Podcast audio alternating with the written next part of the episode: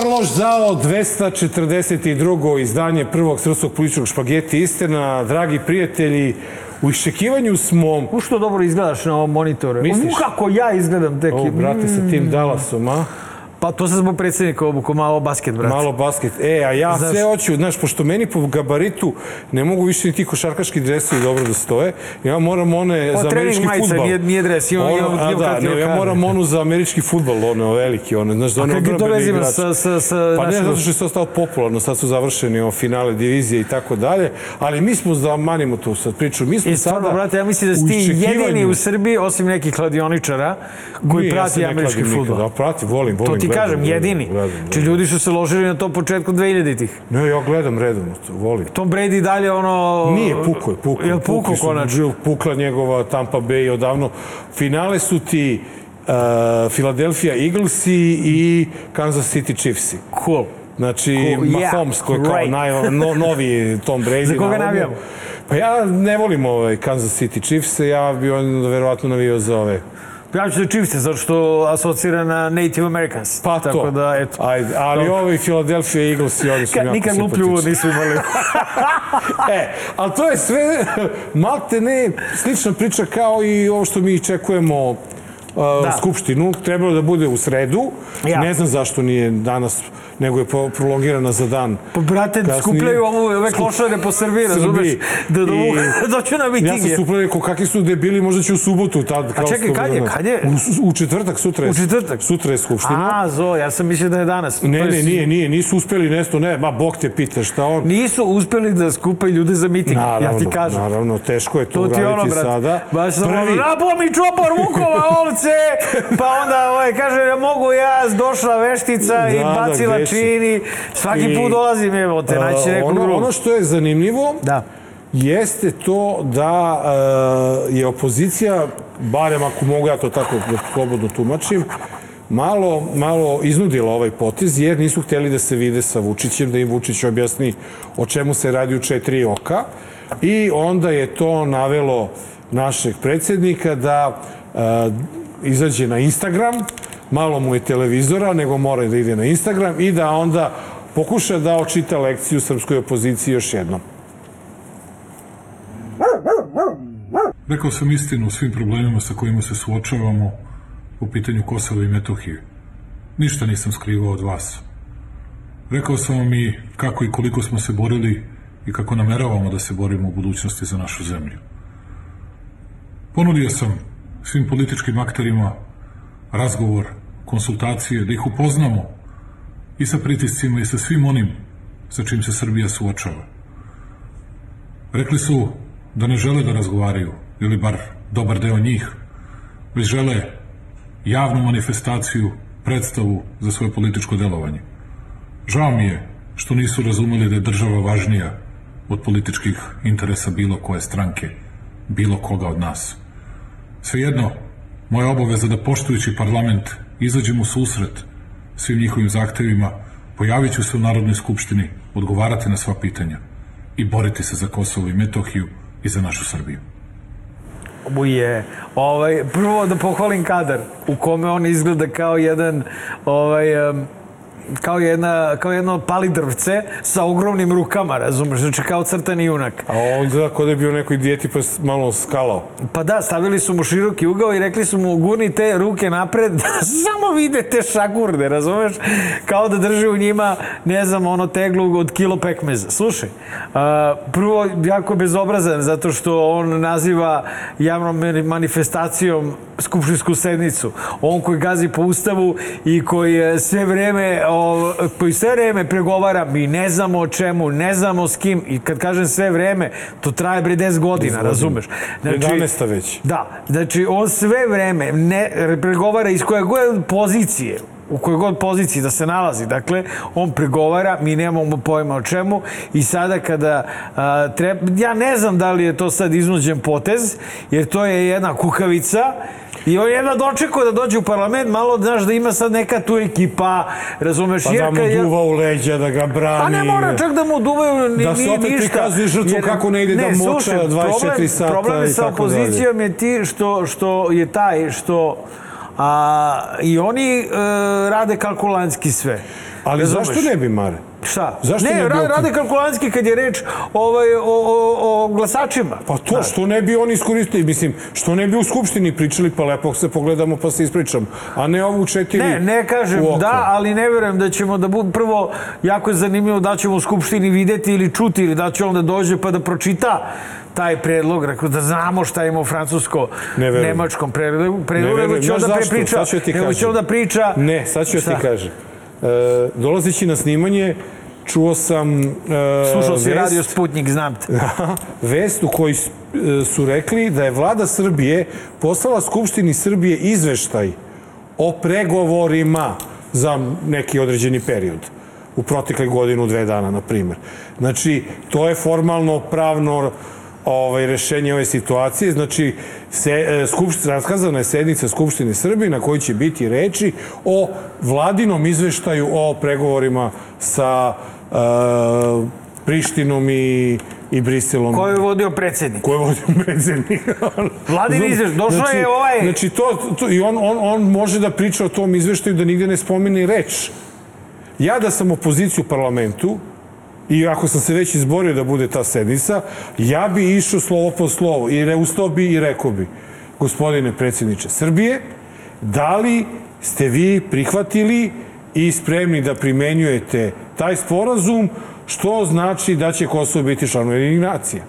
Tačka. I onda teraš njega da odgovara tako. A ne da držiš neku vakelu gde će onda opet vadi ovako. prvo- Evo ga ovde Marko Čekaj, Vidojković. znaš- Evo ga Marko Vidojković na ovom danasu. da li mi šugamo znamo- mi ovo ono. Razumeš? Da li mi Neće toga znamo šta je u sporazumu? Ne. Pa to ti kažem, To, jebote, prema tome, da li uopšte pričamo o Kosovu i jedinim nacijama, vidim da, ovaj, znam da kaže Hašim Tači, ali vidim da Albin Kurti govori da je uh, jedini način da se sprovede, dakle, normalizacija, međusobno priznanje, Priznavanje, dakle, on da. To ponavlja, trećem ponavlja prilogu, to da. ovaj, isto, a, to nam je Da, prilog. to će treći prilog. Da. A jebi ga. Nema ovaj, uh, to sam video, dakle, gledajući priloge. Da.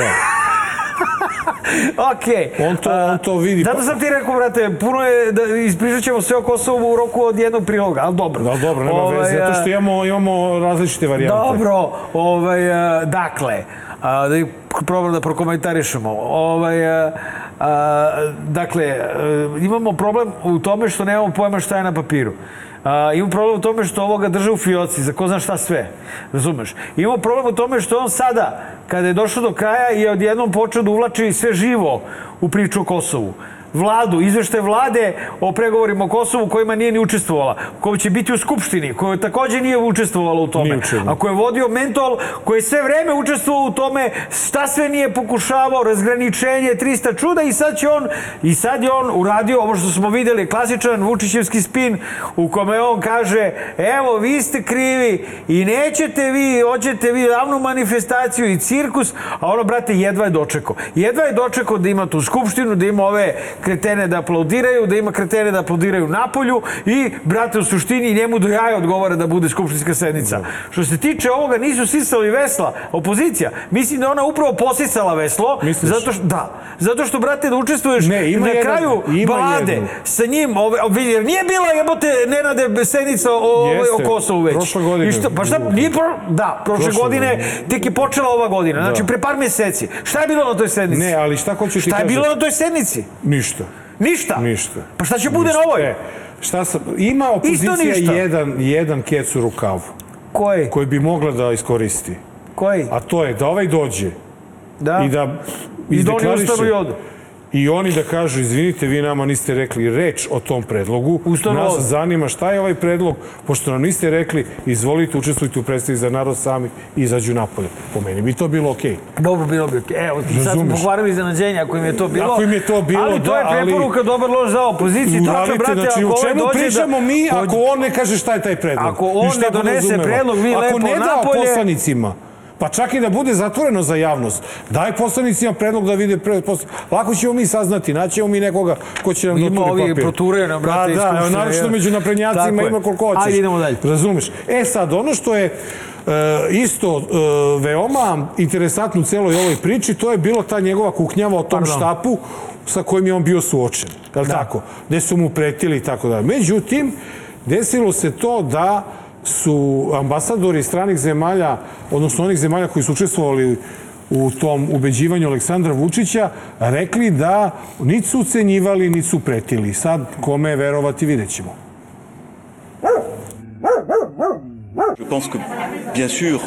Mi ne govorimo ni o kakvim sankcijama ili ucenama. Mi samo predstavljamo jedan način da se izađe iz ove situacije, a za koji smo sigurni da će biti koristan za region i za narod. Mi predstavljamo prednosti i koristi ukoliko obe strane pristanu da idu napred sa ovim predlogom. U suprotnom, bit će posledica, ali to nisu sankcije. Želimo da damo novu dinamiku dijalogu, normalizacija Beograda i Prištine je cilj, a mi to želimo da ubrzamo. Nije, u, u, ki- ovaj, uh, ukidanje bezviznog režima nisu sankcije, nego jednostavno ukidanje bezviznog režima. To nije sankcije. Sankcije su, Povlačenje kažeš, investicija sankcija, tako je nešto normalno što nisu- će se desiti ako je, nećeš da budeš ono, deo Evrope. Je. Nisu, Je li nisu baš sankcije. Znači, neće biti sankcije, evo kao sad smo vam uveli sankcije, nego ćemo jednostavno se povučemo ekonomski i da vi vam radite šta zalepimo ovaj vize, jer niste baš u skladu i to šta da A on radimo. je to nama predstavio kao- Jer mi, mi nismo bili pod sankcijama Nenade do 2009. Jel tako? Da. A, a vize su nam trebale, jel tako? Da. E pa eto, to je ta To je- logika. To je to. Ali, eh, hoću da ti kažem da je način na koji on to predstavio mnogo dramatičnije i govori o nečemu drugom. Govori da Pa ne. ako je i bilo nekih reči na tu temu, nije Srbija ucenjena, nego on, ja Nenade. bih rekao. Ne, ma ne, ne, prvo on je seljačina.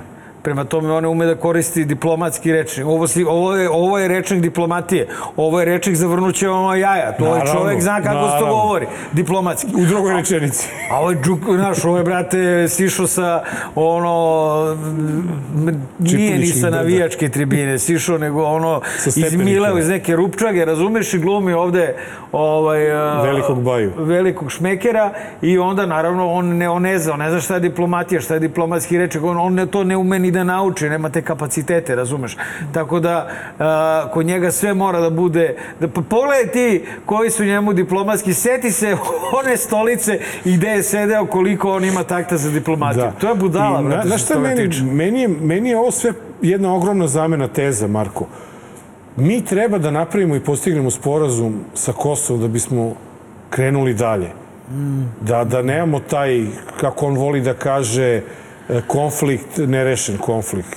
Da, da, da, da nam jednostavno više ta priča ne bude teret oko vrata, nego da je lepo postignemo neki sporazum, da stavimo tačku i da možemo da idemo dalje. Da. A on hoće da potpiše sporazum sa Kosovom zato što će da nam odu fabrike za motanje kablova, zato što će da nam ukinu vize. Zašto ga drže za jaja, bre? E, pa zato ja mislim da tu ima Mare nešto Zato, mnogo više, brate, ono. mnogo više Znaš. nego što je ovo što je rečeno, a što mi ne znamo, što takođe bi trebalo poslanici da probaju da saznaju o čemu se radi. Kako će da saznaju? A kako da saznaju? Kako da saznaju? Tu radi, brate, stealth diplomatija. Da, Bog te tu, to. tu radi ozbiljno, tu radi ono što on ovako javno, razumeš, priča, e, njemu neko to vrlo konkretno priča i šapući na uce, ali da niko ne čuje osim njega, znaš. Da. E, to je ono, da li on, čime je sve ucenjen, možemo misliti, jer znamo kakva je bila vlast ovih 11 skoro godina, znamo, brate, koliko je duplo, duboko upletena u organizovani kriminal,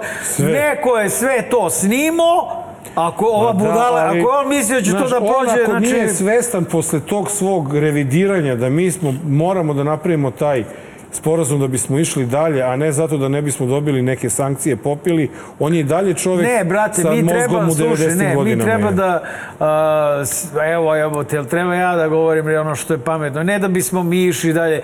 Zašto svaki put mora da se ide iz nekog jebenog računa, razumeš? Znači, Pa to. ovde nema računa, ovde je reč o ratu koji je izgubljen 99. Jel? A, ok, političari će da pričaju da je reč o međunarodnom pravu, međunarodno pravo nam se istreslo tone bombi na glavu takođe 99. Ovde je po meni reč o dve teritorije teritorije Kosova sa zvezdicom, teritorije Srbije bez Kosova, koje bi trebalo, znači čiji narodi i građani trpe, jel, ovo ovoliko ovaj, eh, odugovlačenje sa tim rešenjem. Rešenje je, kako bi rekao ovaj šta je ovaj rekao, anektirali smo Kosovo. Repo je re, rekao Milanović, razumeš, ušurili su nas u bombardovanje, uzeli Kosovo, ocepili ga i naterali, ono, znaš, kao prosto isilovali nezavisnosti i si ti sad gledaš šta ćeš. Da je na to Kosovu, osim na samom tom patrku na severu, koji, koji se upravo rešava. Evo, grade se baze za specijalnih jedinica i tako dalje. Da tu postoji neki problem, da postoji neke tenzije, pa da kažeš, ajde da nađemo kompromisno rešenje. Nego nema mesta kompromisu. Oni neće s nama, neće. A, A mi, mi hoćemo s Kosovom, ali bez njih. Bez njih. Bez njih Tako je, da. brate. Znači, kompromis, ja kad sam pričao, pa zloupotrebili, rekli, ovaj, neko ih predlaže konfederaciju s Kosovom. I tu su mi se najbali, majke, a pritom niti sam predložio, nego sam dao primer kako bi izgledao neki kompromis. Niko za taj kompromis nije spreman. Niko ni za kakav kompromis nije spreman. Prema tome, ovo što se nudi mlačenje... jedno tiho priznanje Kosova u kome ga mi nećemo priznati, a oni će moći da uđu sve institucije, što znači da će faktički postati nezavisno.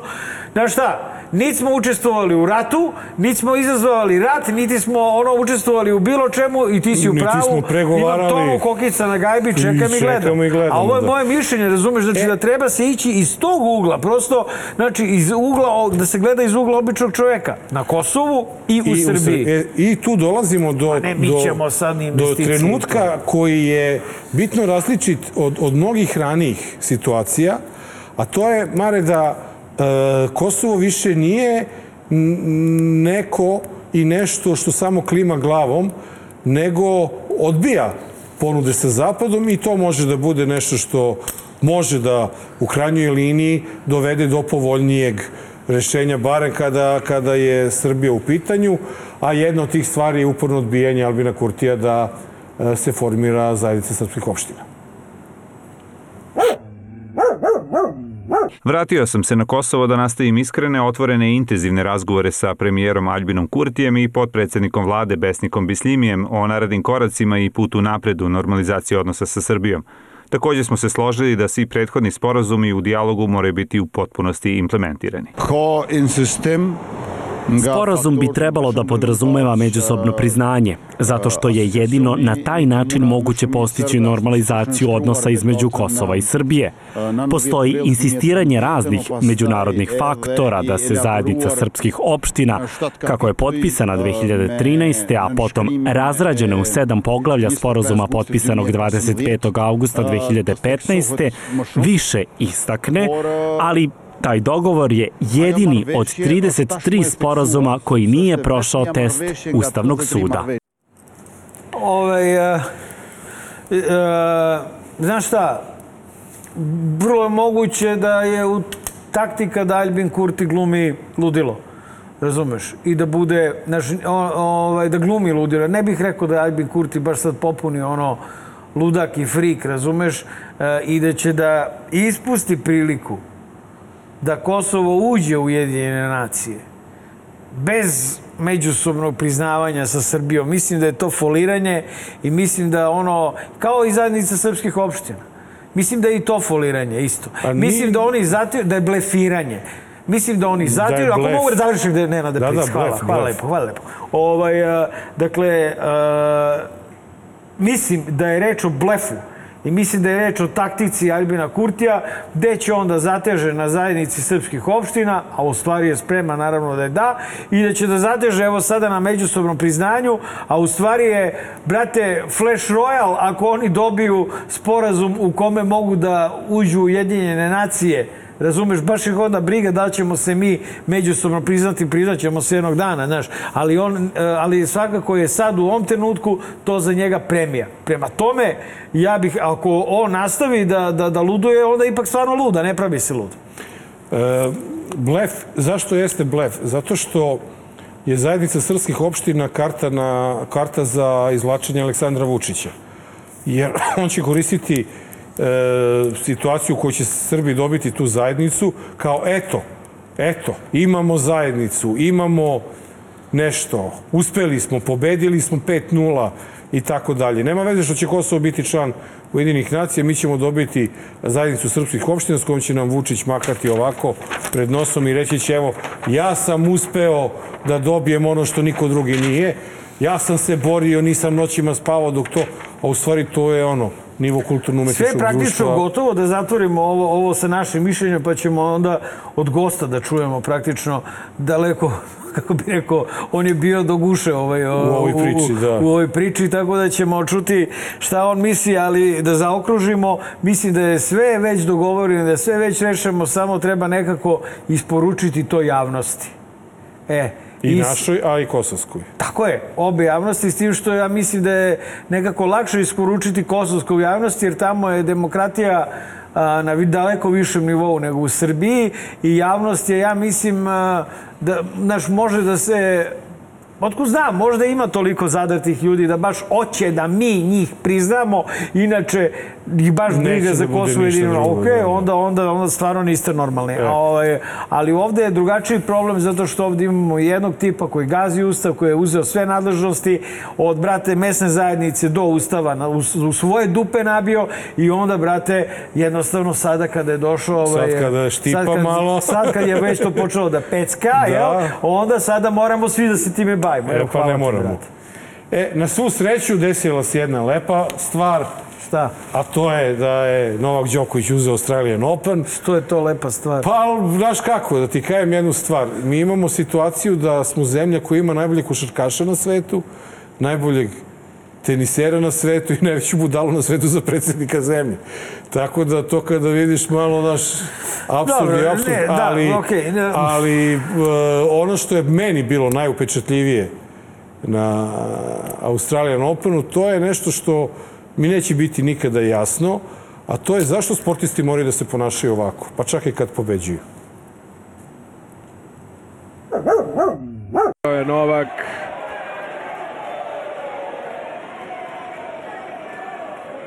Thank you. Da, to je ono čujeno, čitamo sa Ustava, Novaka Đokovića. Hvala vam puno, hvala vam puno što ste došli. Sve vas volim i to. Bilo je Milina, hvala vam ljubav koju ste mi poslali. Ovo je ja najmanji problem vezan za Novaka Đokovića. Nemam, ravnodušan sam prema e, njegovim teniskim turnirima. Počeo si, kao- postao si. Znam da si bio veliki fan. Ne, sve, Nenade, brate, prošao sam ja ovako amplitude, bio sam veli, bio sam najveći fan još, brate, od kada je juniorski ono turnire Bio, igrao. Ovaj, a a onda kada je se slizao sa ovim režimom, onda sam postao veliki protivnik, jel? Neko ko trguje kvadratima ovaj, a, i ko ide kod, na kanabe kod Vulina i Vesića i ko, ovaj, a, a, i, i, za, i ko će da dobije teniske terene u, pored Beograda na vodi, jednostavno nije A više... već je dobio teniski terene. A već ima, pro, to Ima. će da Da li je proširi dobio, na kupio 25. sve maja. jedno, Dakle, ne? do, ne, dobio, brate. Dobio I ako- 25. maj. Ne znam, brate, znači nije bitno, jebe mi se, stvarno, ono, čovek je uh, režimski lik i tu sam ja, znaš, ono, i sad sam u fazi da me zabole, eto. A ovo, ovo je prosto praženje, znaš, uh, jednog histeričnog tenisera, svako igrao tenis, zna da teniseri nisu normalni. Pa da li ne Ovaj, psujem svima, psujem sebe ili tebe, ne psujem Svima publiku. vam jebe mater u pičku, to je ono što sam ja pročitao sada. I Nemoj sad da neko misli da Mare problem psuje. Je, problem je kad, kad oni psuju, nikom ništa, tako? Pa nije nikom ništa, vidiš da se oko toga napravila kao frka. Ali ne psuje samo Novak Đoković. Možda Đoković stvarno i kida, razumeš, ali on je Srbin. Zna se da Srbi povišeno psuju. Znaš kako je do toga došlo? Za vreme Turaka nisi smeo da psuješ, mogo je samo Turčin tebe da opsuje. Kad smo se oslobodili od Turaka, Onda tad smo počeli svi. da psujemo ko, ko Novak Đoković. Jel? Tako da nije to ništa strašno, to je srpska fora, a ono, pso, psuje svima, još je njemu u glavi, ono što su ga držali, znaš, i on je iskompleksirani dečko jedan, razumeš, ono, uh, dobija, brate, dominira umjesto da ćuti i da im se smeška, oni svima se najebava majke zato što se seća sebe u pritvoru, zato što se seća kako se izglupirao prošle godine, zato što evo sad sam došao, sad sam vratio, igra on neke svoje igre u kojima ja stvarno ne moram da učestvujem savršeno mi pište jaja, brate. Ne znam, me, ja, ja moram da, da priznam da mi je drago, što je Drago, uzeo što- i... drago mi je zbog tebe što je tebi drago, ono, a, ali stvarno to ponašanje, naročito ponašanje njegovog oca je jezivo problematično. oca nećemo da- oca ne bi komentarisao, Da, tako da, ali dobro, eto, ajde Nove imamo novine, najbolje. mlađi brat novina kojima će pričati Nenad Kulačin, evo nama našeg ovaj, eh, velike lepe slike Darka Šarića, lepo su ga isfotošopirali, ovaj, eh, ne znam šta je nešto Evo se ovo desilo čemu sa smo upravo mi pričali sve vreme, a to je da samo Vučić zna o čemu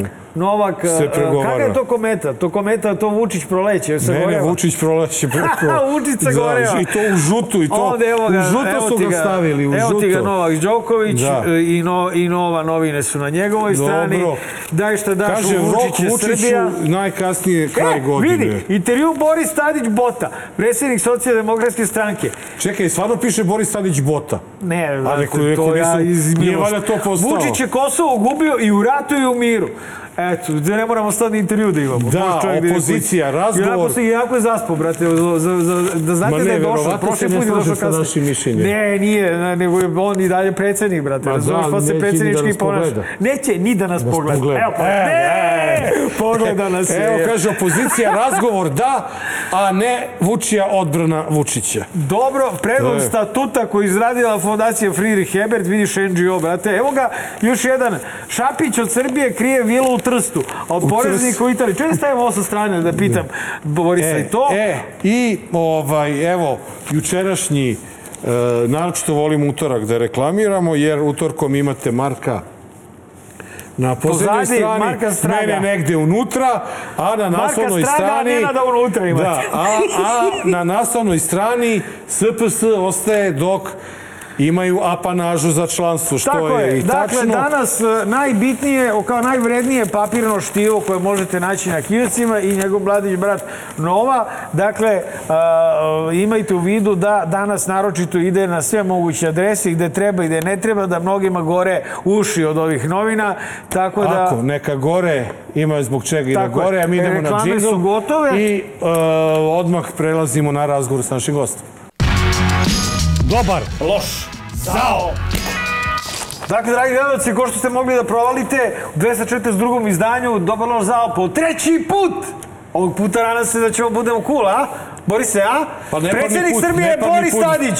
Neparni Znaš kako put oni, budemo dobar, Znači, parni. Amerikanci, brate, za, sa Opa, svakog... Opa, gde pobeže? Gde Šta smo? bi? To ste vi uradili. To smo mi Ništa uradili. nismo, sad ću to ne Napravili da po, mi. po, po, Ovako, a ti, Mare, tamo. Evo, gura se E, to, sedi nazad. sad. molim. Dali ste mi stolicu koja pada. Ja.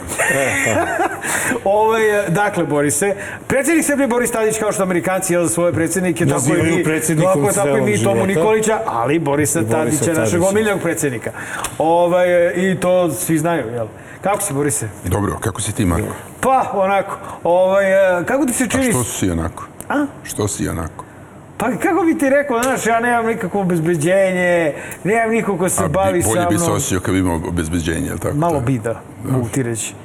Ovaj, Ne verujem, ali dobro. Jesi siguran, a? Da. Ti ga i dalje imaš. Ne verujem da bi se bolje osjećao. Ali ti dalje imaš obezbeđenje. Imam, naravno. Aj, pa, dobro, lako je pričati iz te pozicije. Ma, naprotiv, realno je pričati iz te pozicije. Ja mislim da bi Tadić više volao da nema obezbeđenja. Pa naravno, koji svaki normalan Da čovjek. ima Nego normalno pištolj, sa ko, ko Zoran To su, Živković. odlični, to Živković, su da. odlični momci, ali... ali Evo, Zoran Živković je ovde rekao ja nosim prangiju. Mislim, on nosi pre, pištolj. Pa ne znam što nosi Dobio Zoran Živković. Ti više volao pištolj da nosiš nego obezbeđenje da te prati. Ne bi ja nosio ni pištolj. Ja bi... Ti misliš u stvari da možeš da se šetaš normalno s srpskim selima, gorama i to kao Vojislav Koštunica. Vidiš Pa, kako ma, ide ma, manje više da.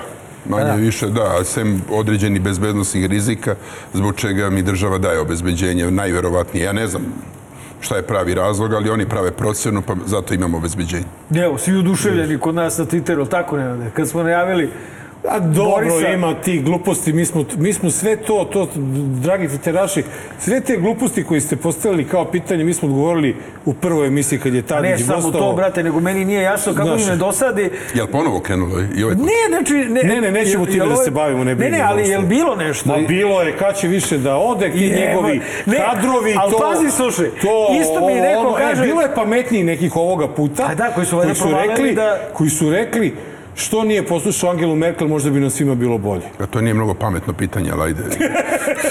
Ali nisu, razumeš... Ali promenili su Čekaj, malo narativ, malo, da. malo su promenili narativ, Da, da, a pritom, je a pritom on probija, izvini, ali super je to pitanje, sad ćeš pustiti to, što je tebi glupo. Glupo jer je neprijatno. Ovaj, Nije e, neprijatno, nego nije pametno, nije postavljeno u sredu, promašuje temu. Ne, ne, Ovaj, kažem, ono što je kako bitno, to je ljudi. da kad god Bota dođe, brate, nama skoči, ono, to su najgledanije epizode. Najgledanije epizode, Zato mi da. njega mnogo volimo da zovemo, između ostalog. Stvarno najgledanije. Ne Pa tu je negde, tu Tu su je tu, preko, sve su negde Sve oko su preko 150. 100 Preko 100.000 su Da. svi u pregledima na, na YouTube. Na YouTube. A vi to O, pratite, te vaše? Pa ono, čisto bude ti zanimljivo da vidiš ono, Vi znaš. ko ona Jeremić isto. Pa moram to Twittere. Koji je? Ona, ona Tvoj kako se zove, ona tvoj ministar, Ne, tvoj- ona tvoj ministar. ona... A Jovana je, Jovana a ne, ne, ona radi Ona stalno gleda svoje ne, ne, rejtinge i vi gledate svoje rejtinge. O, ne, ne, je majko, To kad se vrate, kad nas vrate na televiziju. Boris, mi smo dopirali do pola miliona domova dok smo bili i na televiziji. Sad zašto nismo na televiziji, ja ne znam. A sada, znaš, ono, sad kada ti je neko dope do 50.000, bukvalno ćeš se ubiješ. Znaš, to kada si jednom, ono, kad dođeš do zvezda, pa posle propadneš u blato, Pa nije, ali znaš, nije, nije, svaka nije stotka- uvek vrlina imati veliki rejting, odnosno veliki broj glasova. Naravno, naravno. To samo po sebi nije vrlina, to Nije, je tako nije. jedno e, uprošćavanje je- nama je- politike, novinarstva i... Jedan od najgledanijih epizoda je bilo sa ovim, e, što je sad u Holandiji, kako se zove. Ne, Gde nije stigo do stotke, Jeste, lako? nego onaj bre, onaj što je u Holandiji, brate, kad si ti sam radio. Ko je, brate, ko? Onaj- Da, Višekruna. Višekruna, na To, primjer. ta, eto. to je rekorderska Pa epizoda. nije ni najbolja knjiga nije. koja ima najveći tiraž, ali tako? Pa i to je tačno, da. Tako, Dobro. ali ajde, ljudi, ajde da pi, po, A krenemo pričamo o onome o, o, zašto smo Ajde- se mi ajde to za Angelu okupili. Ne, ono, ono, čekaj, već pričaš, šta? to, ne, o, svi smo mi svesni toga i, i veruj mi, ja to koristim uvek kao argument kad god e, hoću da, da poentiram, a to je da je vlast, čiji si ti bio predsjednik, nije htela da povuče e, ove srpske paralelne institucije, kako su oni nazivali, sa Kosova. Došla je druga vlast, koja je e, prihvatila briselski sporazum gde smo mi izgubili policiju, pravosuđe i e, lokalnu samoupravu u smislu izbora. I sada dolazimo u situaciju da Bog te pita šta gubijamo, a ne dobijamo ništa sa ovim sporazumom. Ono što ja hoću da te pitam na nivou trača ili istine, da li je tačno, a to nismo odgovorili tada kada smo pričali o Angeli Merkel, da je Angela Merkel tada rekla ako ti to nećeš da prihvatiš kao predsjednik Srbije, naći ćemo ko će da prihvati. Nije, nije mi to rekla Angela Merkel, ali su naravno rekli neki drugi u razgovorima i bože moj, ja sam to prihvatio kao realnost i Neki, to je neki i drugi iz njenog neposrednog okruženja ili neki drugi sa zapada? Neke druge diplomate. Aha. diplomate, Diplomate, da. zapadnih zemalja, uključujući i nemačke, Nemačke, diplomate. I to je nešto što sam ja naravno znao i prihvatio kao realnost i uzeo kao faktor rizika za sledeće izbore. E, I, ma mislim, i uprkos tome ja bi dobio izbore da demokratska stranka u gradu Beogradu nije minirala I da e, nisu bili participaciju na tim izborima.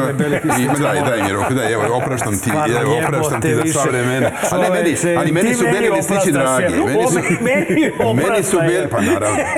Meni su beli, ali ne, za, Da, opraštam ti zbog toga što... e, Dobro, ja tebi opraštam. A ne, ali ti imaš, ti imaš, tu- pa dobro, ajde sad Pa, ti meni u redu, kako bi ti rekao? Znaš, da. imao sam ja razloga što Pa sam bio beli listić. Naravno, morao si da ste- glasaš za, morali ste da glasate na način koji dovodi Nikolića Vučića na vlast, zbog toga što sam ja bio toliko loš.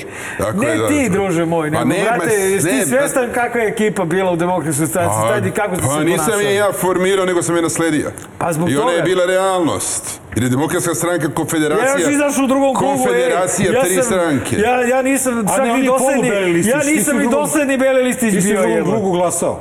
Pa šta da Da, radim, da, u drugom krugu frka. glasao, nemoj tako. Je bila frka. Tvoji, tvoji što bio lep dan, otišli na izlete, dobijamo sigurno Dobili su, dobili su instrukciju da idu na, na izlet. Iz- Pa naravno, pa naravno. To je između dva kruga, to je bio, to je bio komplot, to je bio dogovor. Ali nema veze. Ajde, to je bilo to nema, to nema, da. pa Čekaj, nije, čekaj. nije, to ćemo kad da raspravimo. Raspravimo. Ne, Pa da, ne, to ne, možeš ti da raspraviš sa tim Kad je bilo, pa prošlo. Ali što se tiče Angele Merkel, sada je to bilo pitanje i da, da se vratimo na to, ta suštastvena pitanja s kojima se danas suočavamo ponovo. Nije bilo nikakvih pretnji sankcijama tipa ne prihvatate ukidanje srpskih institucija, paralelnih institucija na severu, sankcije, ukidanje viza, tapa, tapa, tapa. Nikada ja nisam doživao sankcije. Vidim da jedan moj saradnik govori da sam doživljavao sankcije onda kada sam e, prihvatio da pravimo rezoluciju sa evropskim, evropskim zemljama u Ujedinjenim nacijama, iz kojih je proistekao proces tehničkih pregovora u Briselu, ne statusnih, tehničkih pregovora, što je notorna laž. Ali naravno da zemlje koje su, pripadaju zapadu ili velike sile, bilo da se u pitanju, da su u pitanju Evropska unija ili Amerika ili Rusija ili Kina, u svojim razgovorima pristupaju sa time ako vi uradite to, mi ćemo se ponašati ovako. Ako ne uradite to, mi ćemo se ponašati onako. Ali nisu u pitanju sankcije, nikakve odmazde bilo u pitanju, nego se radilo o procesu ubrzavanja ili usporavanja prema članstvu u Evropskoj uniji. Evo, to je bilo to. Nikakvih sankcija nije bilo. Niko nije pominjao ovo što si ti malo pre rekao, ukidanje viza kao, kao određeni aspekt ili argument u pregovorima i tako da. dalje. Šta je Vučić sad dobio? Ja to ne znam u razgovorima. Ameri, ovi strani ambasadori kažu nema nikakvih sankcija, ali kažu bit će posledica. Vučić kaže strašne sankcije nas čekaju. Najstrašnije, što povlačenje investicije, što e, neke druge sankcije. Da li Vučić tvrdi pazar da bi morao da prizna ili prihvati ovaj sporazum nemačko-francuski ili e, pravi jedan ambijent u kome će on obezbeđujući neku zajednicu srpskih opština koja je u ovu trenutku imaginarna tvorevina za koju niko ne zna šta je njen sadržaj, šta su njene nadležnosti, stvoriti atmosferu koja će reći evo ja sam postigo što niko nije postigo, veliki sam šampion, to ćemo vidjeti vrlo brzo, jer će se karte otvoriti vrlo brzo i vidjet ćemo šta se stvarno krije iza ovih posljednjih događaja. E, vidjet ćemo i da li će biti u pitanju sankcije. Ja ću ovih dana imati razgovore sa mojim e, prijateljima iz Međunarodne zajednice iz Evropske unije i vrlo brzo ću saznati šta se u stvari desilo u ovim razgovorima. samo Nisam da- imao vremena prethodnih dana da se bavim Ja sam se mnogo razgovora. bavio Vučićevom izjavom uh, tog petka posle podne kada je on rekao da je Srbija spremna da prihvati predlog petorke i, pardon, da je spremna da učestvuje u primjeni tog dogovora. I principa. I princip. E sad, ti kao predsjednik države, kada to kaže bivši predsjednik države, kada čuješ da to kaže predsjednik države, šta to tebi govori? To znači da e, najveći deo onoga što znači implementaciju sporazuma on je spreman da uči. Znači, kada on kaže, kada predsjednik države kaže spreman sam da implementiram principe koji stoje u tom predlogu, onda je, a ti principi su da jedna i druga strana ne ometaju i jedna drugu na, u putu integracija ili političkih procesa u međunarodnoj areni. A to, ajde sad da čitamo, znači na kraju članstvo u Jedinim nacijama. Ne Znači- samo Savet Evrope. Znači, Vučić prihvata princip da ni- niko nikog ne ometa u međunarodnim procesima, e, a to znači da je otvorio širom vrata, ako je to istina, članstvo Kosova u Jedinim nacijama. Mislim da to jeste poenta ovog dogovora. Mislim, to ajde, je- to je- više ono, mo, možemo da nagađamo, ali Pa poenta ovog dogovora je višestruka. Ja sam e, napisao nekoliko tekstova i objavio sam ih u međunarodnoj javnosti. Zanimljivo je da se to pot, zatrpavaju ti tekstovi i argumentacije koje, koje, koje, koju sam ja tu iznao i održao sam nekoliko predavanja u jednom japanskom evo, institutu. ovde će to 150.000 ljudi da... Pa Nema to će ovde, ovde kada grune sada u javnosti. pa to je- odavde, znaš Ali, šta će to da bude? Više stvari se desilo. Ajde, recimo, znači, šta motiv Zapada je e, ovog trenutka kada je e, ratom u Ukrajini, ne toliko ratom u Gruziji, koja, koji je brzo zaboravljena, Gruzija mala zemlja, sa ne takvim strateškim uticajem kao što je Ukrajina. Ali ratom u Ukrajini postalo je belodano i otvoreno da je e, guranjem i nametanjem nezavisnosti Kosova otvorena Pandorina kutija u međunarodnim odnosima i da je tog trenutka uspostavljen princip, evo sad opet imamo reč princip, kojom u budućnosti praksom ili pojedinim e, radnjama velikih sila može da bude svaka e, pokrajina ili regija ili jedna e, teritorija koju živi jedna etička zajednica koherentno e, da bude izdvojena iz neke druge zemlje i da bude priznata kao nezavisna država. A to znači da praktično oko 60% država sveta koji imaju takvu situaciju, pre svega u Africi, gde su linije iscrtane geometrijskim e, e, uređajima, da. lenjirom, e, mo, mogu sutra da budu predmet novih sukoba. E, znači, politika je ekstremno kompleksna i, i, i intelektualno izuzetno izazovna delatnost, ali e, mnogo aspekata je tu u pitanju koje se moraju uzeti u obzir. Dakle, Afrika, da se, da se razumemo, će biti najbrojniji kontinent u budućnosti. Mislim, e, e, krajem 20. veka, 21. veka, e, bela rasa će biti 4% stanovništva a crnci će biti dominantna e, e, rasa, a to znači da će afričke zemlje e, do kraja ovoga veka, koji će biti nosioci e, ljudske civilizacije biti, e, biti verovatno ophrivane problemom kojim je e, u, u temelje njihovog društva ugradila zapadna alijansa nametanjem Kosova. Kao što su im, da vas podsjetim, rat u Ruandi koji je proizveo najstrašniji genocid e, imajući u vidu kratkoću vremena i brutalnost koja se desila ubijanje ljudima četama e, u Ruandi, Hutu i Tuci, e, nastao kao posljedica rasne teorije koje su ostavili kolonisti, belgijanci i nemci na tom kontinentu. Tako e, će ta Afrika koja veoma pati i dan danas, a bez koje nema budućnosti čovečanstva, dobijati nove i nove e, eksplozive u temelje vlastitog društva i zapadni svet, nažalost, e, imajući u vidu činjenicu da je zapadni svet nosio civilizaciju u pozitivnom smislu, 200 godina, zapadni svet zaboravlja svoju odgovornost neretko i u međunarodnoj javnosti se ponaša na bahat način i ostavlja posljedice koje su nerešive. Vrlo često nerešive. Rat u Ukrajini dobrim delom je posljedica i odluke da se gura nezavisnost Kosova, jer pr- prvi argument Putina u razgovoru s Gutjerošem je ako je moglo Kosovo, može i Donbas, može i Krim. Naravno, Putin kao predsjednik Rusije ne demokratskog karaktera, nego tog karaktera kakav jeste, želi da iskoristi ovu situaciju da bi, naravno, obezbedio svoje državne interese. Za neke od tih interesa imam razumevanje. Ruska flota mora imati izlaz na toplo more, u suprotnom, Rusija ne, nije više globalna sila, jer ko ima kontrolu mora ili utjecaj na morima, jeste globalna sila. Da Rusija nema pristup morima za svoje nuklearne podmornice ili svoje nosače aviona,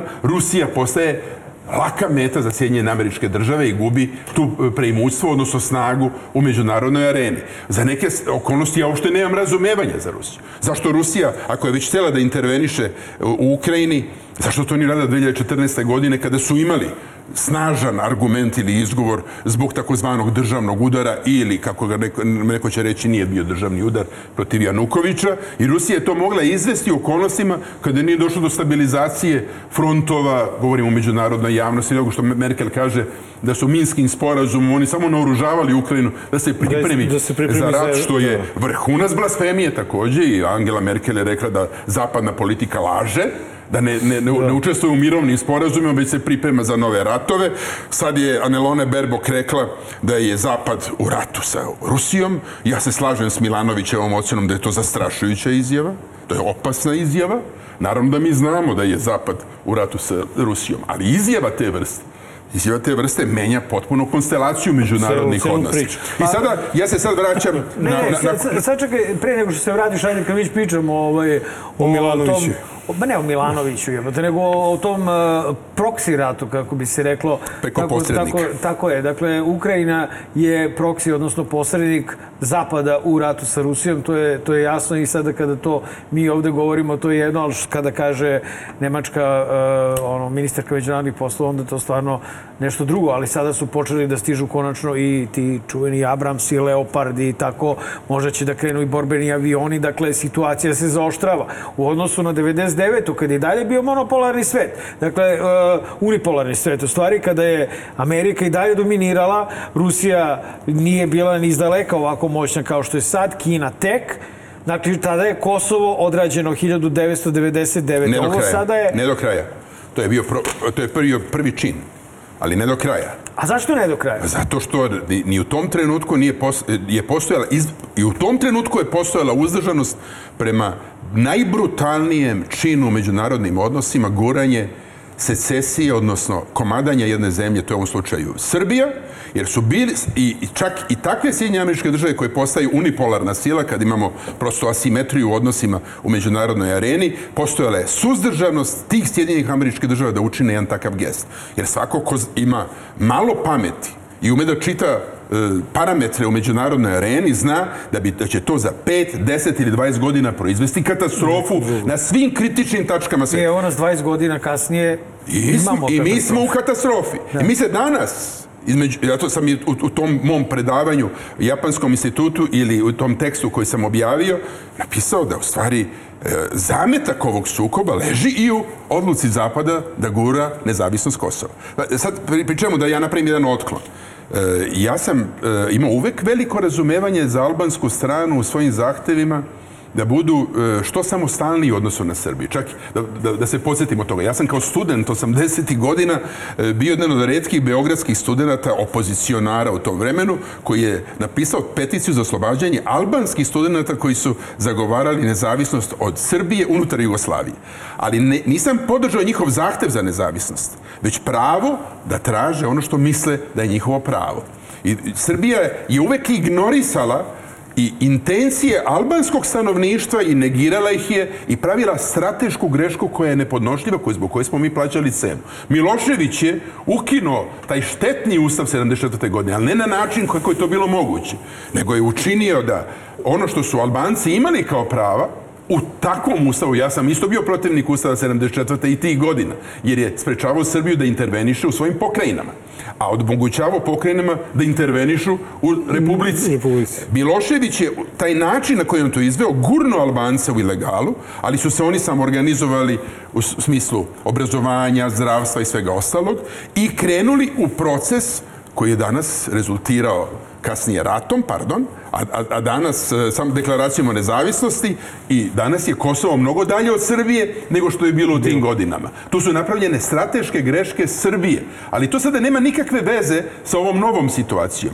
e, u kojoj smo se našli 2008. godine kada su Albanci na nagovor Sjednjih američkih država, to jest njihovi političara Nick Burns i Dan Fried, su gurali tu priču u razgovoru i sa mnom su objašnjavali da to, šta ćete vi da uradite, ne možete ništa da uradite. Ja sam rekao, gosp, Nick, Nick i Dan, pošto smo imali dobru komunikaciju, da danas Nick Burns predaje na, na Harvardu, a Dan Fried je ispario iz međunarodne arene, vi ćete učiniti svet opasnijim nego što je bio do danas, a sledeće će biti Ukrajina. I naravno da je bila Ukrajina. Nije bit potrebna bila neka preterana pamet da se to vidi. Jasno je bilo gde gori najviše. Gorilo je naravno u Ukrajini koja je sva kompleksna i složena, ljuljala se nakon e, e, sovje- raspada Sovjetskog saveza o svojim korupcijama, unutrašnjim nesporazima, podeli stanovništva na to koje je, tako kažem, bliže Rus, Rusiji i ono koje je Bliže bliže zapadu. Poljskoj, odnosno zapadu.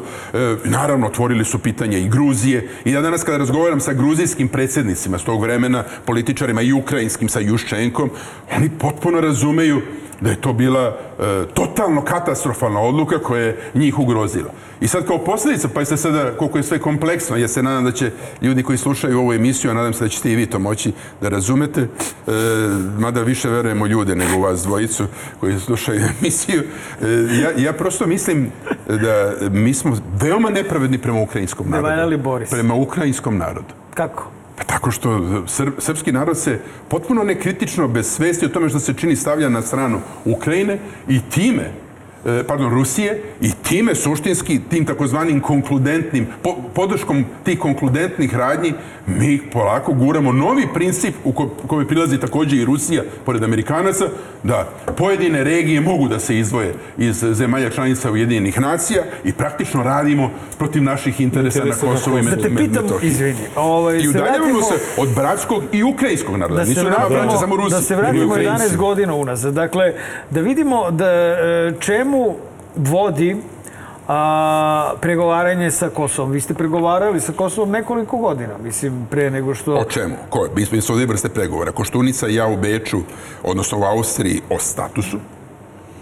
Da, I Borko Stefanović. A Borko Stefanović o, o tehničkom pitanju. Dakle, Sjećam ni se- jednog trenutka u Briselu o statusu. Ne, Sećam ne, ali, se, ali, ali zašto bežimo, izvini Nenade, a, hoću baš da pričam o tome o statusu. Znači, šta je strategija? A, šta je bila vaša strategija? Sad ćemo da nagađamo šta je Vučićeva strategija koja uopšte postoji.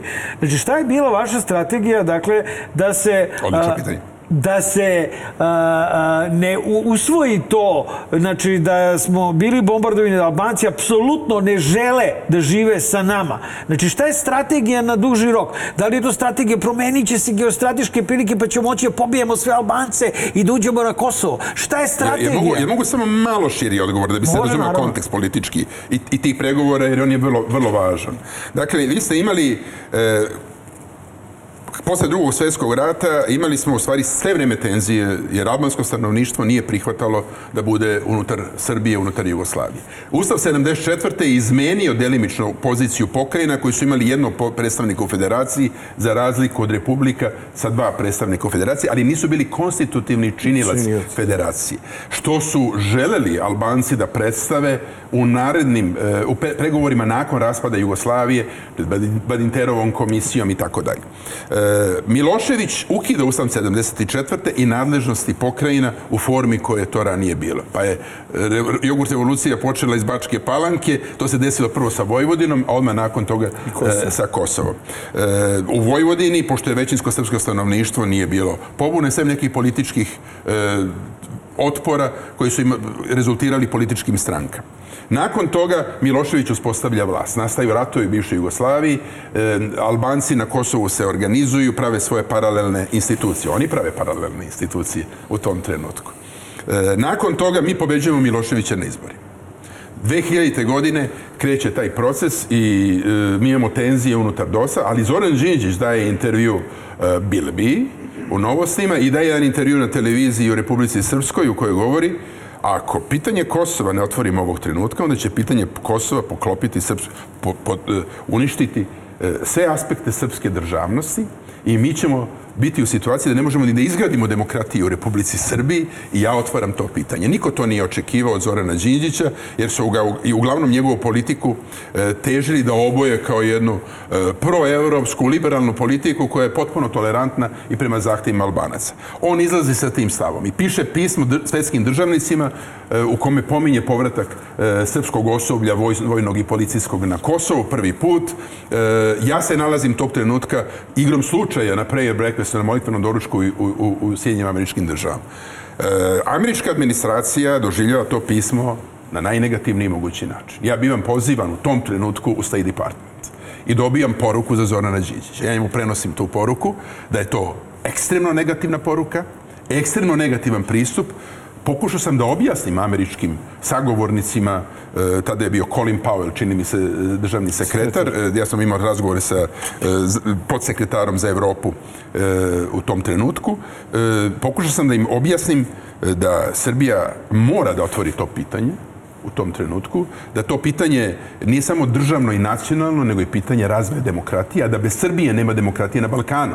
I da američka administracija tog trenutka ne uzima u obzir sve implikacije svog pristupa kosovskom pitanju. Američka administracija pojednostavljuje u tom trenutku, uprkos tome što još ne gura kosovsku nezavisnost kroz deklaraciju o nezavisnosti i, i prilazi tome e, kao zemlja koja je bila u ratu sa Srbijom i tretira nas još kao potencijalnog neprijatelja. A to su to vojne doktrine. I oni imaju nepoverenje prema svemu što dolazi iz Srbije, makar i od demokratske Srbije koja se pro- suprotstavila Miloševiću. Podsjećam vas da je Koštunica dobio e, nagradu East West e, u, u Sjedinjim američkim državama, u, u Njujorku, kao najveći političar te godine koji je pobednik nad Miloševićem. E, mi nemamo koherentnu politiku unutar DOS-a, to je bila Đinđićeva ideja. U tom trenutku Zoran Đinđić u demokratskoj stranci u kojoj smo svi zajedno bili tada, zagovarao politiku podele. To je bilo naslanjanje na ideju Dobrice Ćosića, profesora e, Joce Marijanovića iz našeg istoričara, koji su zastupali tu tezu 68. u CK Saveza komunista Srbije i profesora Krstića koji je napisao jednu kompleksnu knjigu o Kosovu, koja mislim da je najbolja knjiga i najviše fair knjiga kada su u pitanju albansko-srpski odnosi. Đinđić je bio za podelu u suštini u tom trenutku i, i, da je, i povratak naših snaga je bio instrument za čitav taj proces, makar e, da je je u rezoluciji 1244 navedeno da e, naše snage ne mogu da dođu na teritoriju gde žive koherentno srpski narod, nego na granicu sa susednim državama u tom trenutku za razminiravanje minskih polja i učestvovanje u nekim simboličnim operacijama. Đinđić biva ubijen. Nastupa nova situacija. Demokratska stranka gubi izbore, niti u tom trenutku mi imamo artikulisanu kosovsku politiku nakon Zoranove smrti. E, Dolazi na vlast Koštunica, Labus, Vuk Drašković, Velja Ilić uz podršku Socijalističke partije Srbije. Ja pobeđujem, na, niko nije očekivao, na predsjedničkim izborima samo šest meseci nakon toga. Opet novi vele obrt. E, tog trenutka imamo takozvanu kohabitaciju koju su gluperde i srpske e, analitičke javnosti tumačili kao koaliciju. A kohabitacija znači jedva su život i stalna tenzija predsjednika i vlade. Vlada meni ne odgovara na pitanja, već kaže nemaš pravo da znaš šta, šta se dešava u toj oblasti u Republici Srbija. Ja postavljam pitanja vladi i guram Zamisli određene Jano sada tako napiše inicijative. Vučić. Pa da, evo, to, ali to je bila demokratija. To se stvara se neka vrsta demokratije. Prvi put. Institucije rade svoj posao. Nakon toga e, kreće pregovarački proces. Nakon toga kreće pregovarački proces. I Koštunica i ja pregovaramo u Beču. Koštunica traži i da dobija podršku Nikolića, tačnije Šešelja i Vučića za platformu, sad ti posle odgovoram na tvoje pitanje, da mi tražimo suštinsku autonomiju za Kosovo unutar Srbije. Ja kažem Koštunici, Vojo, ajde, vrlo je važno da imamo jedinstvo pregovaračke pozicije predsjednika i premijera, i, odnosno vlade, jer smo mi različite političke opcije u tom trenutku, iako je Koštunica tada bio za Evropsku uniju i članstvo Evropskoj uniji. I za partnerstvo za mir. Ali, kažem, to je nerealističan predlog. Tog trenutka dobijamo posljednje signale iz zapadnog sveta da je moguće ići na neku vrstu fair podala. Da prvi, dobijamo tihom diplomatijom e, te signale. Koštunica kaže ne dolazi u obzir. Ja vam kažem, ajde da razmotrimo tu mogućnost. Predlažem da razmotrimo tu mogućnost. Imamo jedan tihi sastanak, on, ja i naši šefovi kabineta. On odbija to. Ja kažem u redu, ja neću biti čovek koji će kvariti državno jedinstvo u ovoj stvari, ali mi je bitno da ti kažem šta mislim. Pri čemu njegov šef kabineta kaže da model podele u tom trenutku koji sam ja predložio, ako to uspemo da uradimo, u sledećem koraku da će to biti pobeda za Srbiju. Koštunica odćuti kao i uvek na sve što je bilo bitno, on odćuti i niko ne zna šta je u tom trenutku mislio. Mi pregovaramo i u Beču u jednom trenutku on, bez dogovora državne, državnog rukovodstva, a ja sam deo tog rukovodstva, on svog švajcarskog savjetnika e, gurne da da završnu reč i ne obaveštavajući mene da će Srbija tretirati dolazak Euleksa na Kosovo kao okupacijonu silu.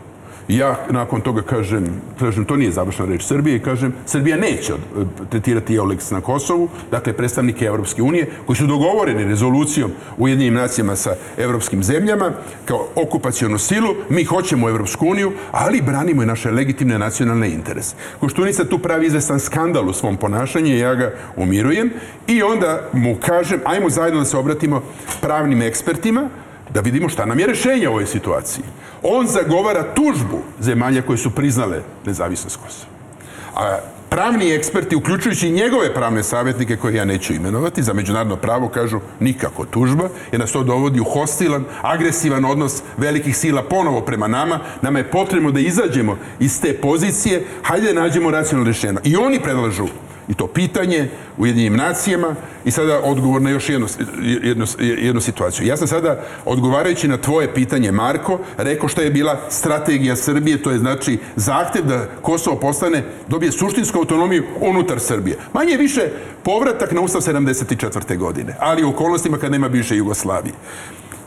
Pitanjem koje smo mi e, postavili, mi uspostavljamo novu taktičku e, dimenziju čitavom tom procesu i sada vidim da Vučić i ove, ove, ove, ovi poluinteligenti iz mojih redova nekada, koji su se priklonili Vučiću i dobijaju beneficije zbog priklanjanja njemu govore, bilo loše pitanje.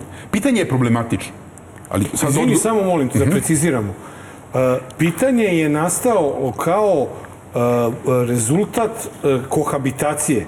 Pitanje je- Perioda u kohabitaciji. Jeste. Dva, dva kabineta. pi- Pitanje je, tako. nije, Nije tvoje, nije ne, tvoje. ne, ne, pitanje je, Koštunica se otklonio od toga. Dobro, Od tog pitanja on je tražio tužbu. To je bio njegov stav. Dobro. Tražio je tužbu, meni je tražio lično, da tužimo zemlje koje su priznale nezavisnost Kosova. Amerikance, Nemce, Engleze, onako, da uđemo u, tu, u, u, taj fight. Da uđemo u taj fight, što je jako onako simpatično bilo. Ja sam naravno bio protiv toga, jer smatram da nije bilo potrebno nakon rata Ne, ne, 99. godine da ponovo postavljamo kišmu čitave nacije, građana Srbije, svih generacija na udar zapadnim silama. Ali sam se suprotstavio. I Ne, ne, meni je bitan taj period. Znači, to je period kada Srbijom vladaju Demokratska stranka, DSS, G17 i SPS. To je bio Treću to je bila ta jedna godina u kojoj smo mi imali zajedničku vladu. U to je smo ta imali kohabitacija, za- tako. Jeste. Znači, ne, ne, to je- nije kohabitacija. To je trenutak kada smo mi 2007. godine imali zajedničku Koaliciju, vladu. da. Mi smo tad ušli u koaliciju. Kohabitacija je bila među 2004. i 2007. godine. Znači, 2007. godine sa Mi Koštunicom ulazimo u koaliciju koja je bila više kohabitacija nego koalicija. Fair govoreći. Jer smo imali, evo imali smo... Mislim, nije samo svoja odgovornost, to je suština. Imali smo različite, ra- pa dobro, Koštunica je tada hteo da izađe iz vlade, tada Mlađan Dinkić, sećate se, povlači, e, on, on se povlači iz vlade e, u, u jednom trenutku jer Koštunica hoće novu agresiju u Prema međunarodnoj Zapadu, da. areni, Dinkić kaže to više ne može i mi ulazimo, približavamo se jednom izbornom procesu u, to, u tom trenutku. Korak po korak se približavamo izbornom procesu nakon pregovora u Beču, to je 2007. godina. I okej. Međunarodni eksperti naši za međunarodno pravo, najveći profesori, koštunicini savjetnici predlažu ovo pitanje. I kažu, to je sporno pitanje. Ja kao političar kažem, svako pitanje je sporno. Jer da bismo pitanje, pitanjem Međunarodnom sudu pravde mogli da otvorimo novi proces, dakle da tražimo novu šansu za Srbiju, Dakle, suprotstavimo se zahtevu zemalja koje priznaju nezavisnost Kosova, ugrožavaju teritorijalni integritet Srbije i deklaraciji o nezavisnosti albanskih poslanika u njihovom parlamentu. Ulazimo pred Međuna- Međunarodni sud pravde, dakle na teren prava i diplomatije. Mi moramo da dobijemo podršku većine zemalja Ujedinjenih nacija. A da bismo dobili podršku, mi moramo da formulišemo pitanje koje ima većinu. Ne možemo da formulišemo pitanje za koje će tada dominantne zemlje, kao što su Sjedinje američke države i zapadne zemlje, koje su priznale nezavisnost Kosova, reći ne glasamo za to. Mi smo praktično dobili podršku većine zemalja i onda je ušao, smo ušli u proceduru pred Međunarodnim sudom pravde. Koji je onda ušao u proceduru? I tada imamo jednu volševnu situaciju. Menjaju se sudije, daju, e, odlaze u penziju, neke sudije, kao na primjer kineski sudije, odlaze u penziju pred odluku. Mi dobijamo informacije obaveštenim putem šta oni razmišljaju, oni razmenjuju svoje informacije sa svojim državama i manje više glasaju kako su glasale njihove države. Nisu glasale po pravu i pravdi, nego su glasale e, po sili, odnosno po, po, po za- zakonomernosti sile, odnosno država iz koje dolaze. I daju odgovor koji je neverovatan daju odgovor na pitanje koje možemo da diskutujemo, ali koje jedino mogu da prođe u jedinim nacijama, to je da uđemo u proceduru odbrane pred međunarodnim i pravnim institucijama naših interesa na Kosovo i Metohiji. Nismo mi imali- idealne okolnosti, nego teške okolnosti. Daje odgovor, manje više, da oni koji su proglasili nezavisnost Kosova su bili jedna neformalna skupina ljudi koji nisu imali pravo na to, pa u tom smislu nisu ni povredili međunarodno pravo. Što je stvarno nonsens. Vučić, da bi opravdao svoju poziciju priznanjem briselskog sporazuma nakon mog gubitka izbora četiri godine nakon čitavog tog procesa, kada su oni prihvatili briselski sporazum, što sam ja odbio Angeli Merkel, ja sam briselski sporazum odbio Angeli Merkel u suštini, Vučić onda, da bi opravdao svoju poziciju, napada nas da smo pre, premestili pregovore o Kosovu iz Ujedinjenih nacija u, u Evropsku uniju. Nismo. Oni su ih otvo, pretvorili u statusne pregovore. Mi smo držali samo tehnički dijalog oko Sa Briselom. oko administrativnih prelaza, ličnih karti, telefonskih Tablica. brojeva, tablica i tako dalje. Nikad o statusu. Oni šalju Vučića, Dačića, Nikolića na te pregovore prvi put. Ja nikada nisam učestvovao u pregovorima nego šef kabineta ministra spoljnih poslova koji nema nikakva ovlašćenja da vodi bilo kakav statusni dijalog. Vučić nakon toga kaže, a pitanjem ste za- zakucali ekser u kosovsku nezavisnost, koje god pitanje da je bilo postavljeno, e, bilo bi, imalo, imalo bi isti tretman, jer vlada ne međunarodno pravo i u Međunarodnom sudu pravde, nego odnosi snaga. To svako ko nešto zna o istoriji sveta, zna da je to prosto, ili istoriji sveta u posljednjih 100 godina. I Vučić u stvari bilduje, odnosno snaži svoju poziciju za ovaj trenutak. On želi kukavički da prebaci odgovornost na druge. Deset godina je predsjednik. Ja kao predsjednik Srbije osam godina nikad u životu nisam rekao za Kosovo su krivi oni drugi. Ja tek sad kad me pitaju, ako Vučić uspostavlja princip ko je kriv, onda su pre svega oni krivi. Ja ne namećem to, taj princip. Ali ako me pitate ko je kriv, oni su naravno hiljadu puta više krivi jer su uveli Srbiju u rat sa NATO, oni su hiljadu puta više krivi jer su potpisali vojno-tehnički sporazum kad smo mi povukli naše snage i doveli nove demokratske vlasti u ekstremno tešku situaciju od Zorana Đinjića, čak i Koštunice, mene, do trenutka kada ponovo se vraćaju snage 90. godina na vlast nakon 2012. godine. I mi danas imamo novi zahtev. Sad se postavlja pitanje da li bi meni e, zapadne zemlje, da sam ostao predsjednik Srbije, izašli s ovim zahtevom i rekli ako ne prihvatite mi ćemo ovo ili ono. Ja sam siguran da ne bi. Ali mislim da Vučić sa svojom istorijom ličnom, vi svi znamo kako je ona bila, on je bio deo vlasti 90. godina, je idealan čak i za jednu vrstu grubosti u, u, u komunikaciji. Prema meni nikada nije bilo grubosti, ali je bilo teških dijaloga, teške borbe, obaranja ruke u međunarodnoj areni, ali ja, zakon sam još jednom, nikad ne bi prihvatio briselski sporazum, to sam u ostalom rekao Angeli Merkel. I sada da odgovorim na ovo pitanje vaših e, slušalaca sa Twittera. Nije Angela Merkel meni tražila da ja priznam e, članstvo Kosova u jedinim nacijama. Što je predmet ovih razgovora kojima je Vučić izložen, odnosno kojima se sam izložio svojim nečinjenjem onoga što je morao da učini. Dovođenjem situacije, sebe u situaciju da nema potez i Srbiju da nema potez. Angela Merkel je od mene tražila ukidanje srpskih institucija, što je Vučić odmah prihvatio. E, sporazumom.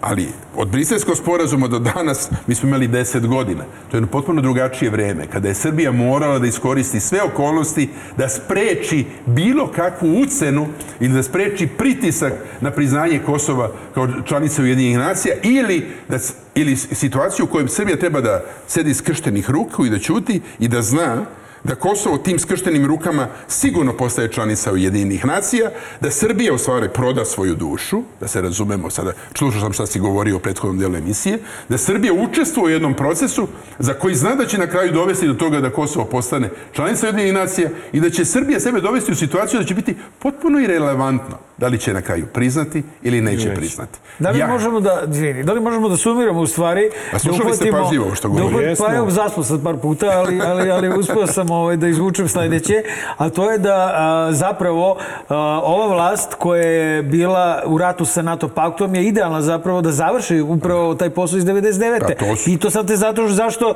99. to nije završeno. Evo sad imamo istu vlast koja završava taj posao. Pa da, ali postavlja se pitanje zašto zapadni svet, ako je teo to da uradi, zašto to nije uradio još u vreme e, Miloševića administracije? Što to nije uradio u vreme Miloševića administracije? Zašto zapadni svet to nije uradio pred potrebnih 10 godina, kad ima ja tu istu administraciju? Ja sam te to pitao, ti si rekao da, i tada, da, i tada, da su tada bili skeptični, da tada nisu hteli da... Ovaj, bili su da skeptični tako... od 2000. godine, u vreme do, DOS-ove administracije. Nisu, nisu tada, e, čak ni oni nisu pomišljali da bi mogli da naprave takav presedan koji će poremetiti međunarodne odnose. A sad odnose. posle ovog haosa i to... Posle, sad, posle sad svega što su napravili presedan 2008. godine i držali taj presedan do današnjih dana živim, Nakon rata u Ukrajini oni hoće dve stvari. Hoće prvo da se zaboravi što pre e, članstvom Kosova i Ujedinjenim nacijama, da su otvorili Pandorinu kutiju koja je otvorila ra potencijal rata u Ukrajini i u Gruziji Dobro, da. gde god. I drugu stvar hoće da urade, e, hoće da urade da spreče e, novi uticaj Rusije na Balkanu e, ne znajući šta će se dešavati. Međutim, i, i oni ne računaju dobro, baš kao ni oni ljudi koji zagovaraju ideju da Srbija treba na Kosovu da prihvati sve, pa će onda bolje živjeti jer nam se otvara perspektiva napretka. Ne otvara nam se perspektiva napretka. Nažalost, kada bi to bilo neko rešenje, pa ajde o, to, o tome razgovaram. Ne otvara se nikakva perspektiva napretka, niti Srbija time postaje članica Ujedinjenih nacija. Nemojte biti naivni, moja obaveza da vam kažem da se to neće desiti učešćem Srbije u ovom procesu. E, Srbija možda može da dobije neke nove investicije, ali neće dobiti članstvo Ujedinjenih nacija zbog, zbog svega toga. Pa, pa baš isto kao što Makedonija priznanjem e, promen, promen, da, da. pardon, pardon, u Evropskoj uniji, Evropskoj uniji. Da... Priznanjem da promenom svoga imena nije dobila ni status kandidata. Niti e, datum za pregovore. Sa, ovaj... Daj, dajem taj primjer. I potom, zato što u zapadnom svetu e, ne, ne postoji, u Evropskoj uniji ne postoji taj princip, ako vi uradite ovo, mi ćemo da uradimo ovo. Nego, toliko je komplikovana postala među vremena Evropska unija da svaka zemlja možda blokira ulazak bilo koje bilo druge zemlje da. u, u Evropsku uniju.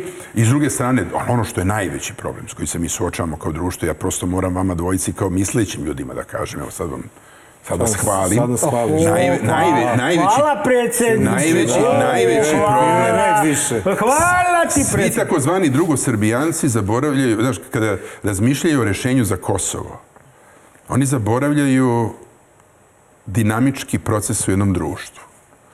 Oni potpuno prenebregavaju činjenicu da će, evo, već je započeo taj proces, da će se roditi nova generacija mladih ljudi u Srbiji, koji će se tom nepravdom, jer nametanje kosovske nezavisnosti je nepravda, tom nepravdom ući u jedan osvetnički proces, da će podržavati ekstremiste u Srbiji, da će ekstremističke stranke, stranke dobijati, e, da, dobijati glasove, da će možda želeti da se osvete.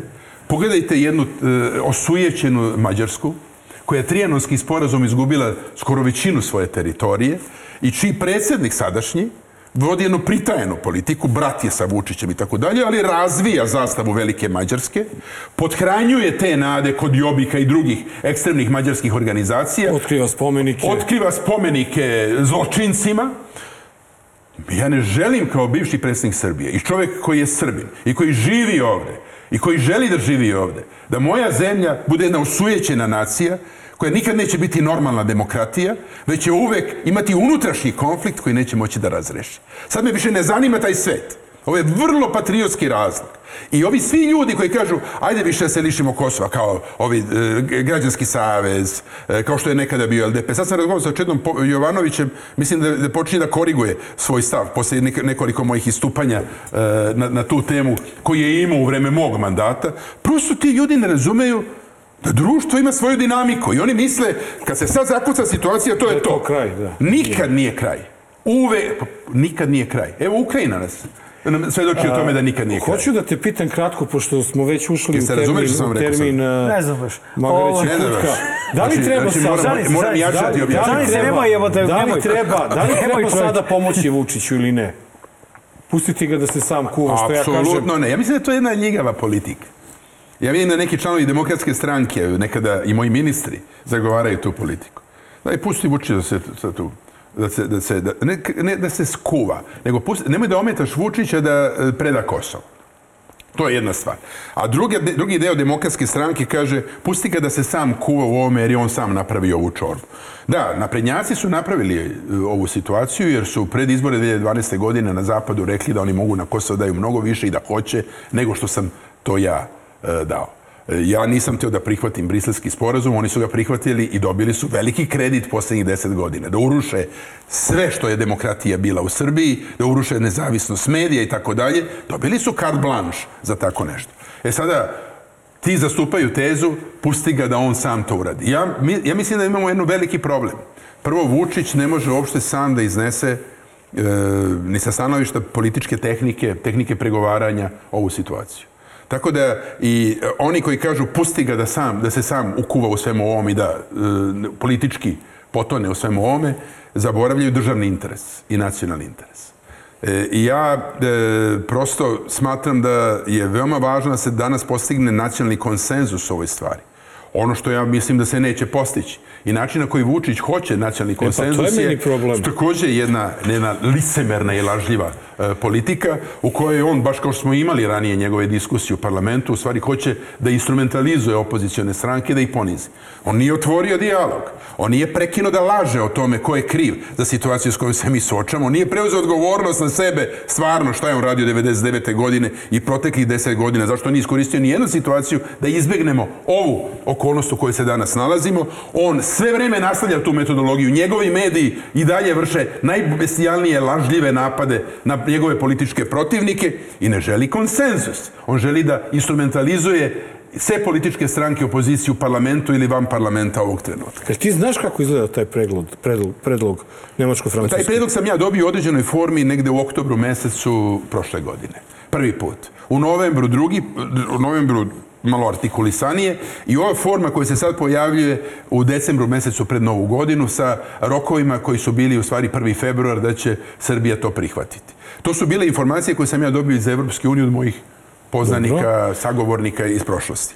E, to je manje više izgledalo sve, sko- malo se transformisalo, e, onako kako je prezentovano do sada. Dakle, ono što sam dobio u decembru je ono što danas u januaru e, vi imamo negde u, u formi koje ne, neko je štampao taj predlog. Do, E, bi ti to ima- prihvatio taj predlog? Ja sam već više puta rekao ni, ni, nikako, ni, ni, ni na koji način. Jer bi to značilo, ajde e, još jednom da ponovim, to bi značilo novo licemerije, u stvari pravljenje ne nove, novog kompleksa za sr, srpsku Ali sad državu. malo pre si rekao, ovaj, e, šta ćemo radimo s Magrećim kutkom? Sad ćemo na brzinu, ajde. Ajde, dobro. Nema- nema više vremena, Pa mislim. nema, bez Da. zajebavanja. Ali, ovaj, e, ali slušaj, bitnije je ovo da, da, da, da čujemo.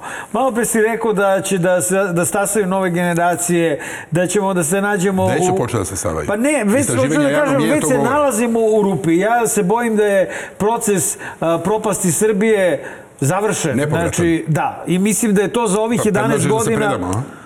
Pa ne, ne da se predamo, ni, niko nas nije, znaš šta, mi smo se borili, borili i borimo se i dalje. borit ćemo se ali, dalje. Pa da, ali nas Ali ima sve manje i manje, se boriti? a sve se više i više. Pa da, ali, ali, ali, ali ćemo izgubiti. Sad čekaj, Marko, ja sam, ja sam 90. godine, potpis, 80. godina potpisivao pet, sve pet, kao, kao, kao klinac politički, potpisivao e, sve peticije protiv, protiv tadašnjeg establishmenta. A ta, tada je nas bilo 2%. Da li je Pa lakše smo se boriti se... za od 2000. do 2012. godine za demokratizaciju srpskog društva. Da li je Opet lakše... ćemo da Pa, pobedimo. opet, Dobro, ali 10 godina. Čekaj, Ma, ne, stani, ej. neki 20 godina, ali Ma, da li je lakše a boriti se... onda nemoj da se baviš javnim Stani, životom, da li je, nego da li je reci, lakše ja sam boriti se- kukavica, povući ću se. Čekaj, da bi da li je- živeo da li je- ugodnije. da li je Ima da se lakše- boriš kao novinar i kao političar. Bože, Da li je lakše boriti se, da li je lakše boriti se, za, razumeš, za demokratiju Srbije, sad se za to borimo, sa Kosovom iznad Na glave ili možda bez Kosova. Ali ne Razumeš, možeš. kad smo već došli ali- uza zid, pa evo, sateran je ovaj idiot džaba uza zid. ja govorim kada, znaš kako ono, on, oni krsti, a oni...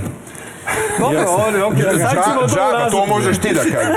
Ali ja te krstim, a ti on.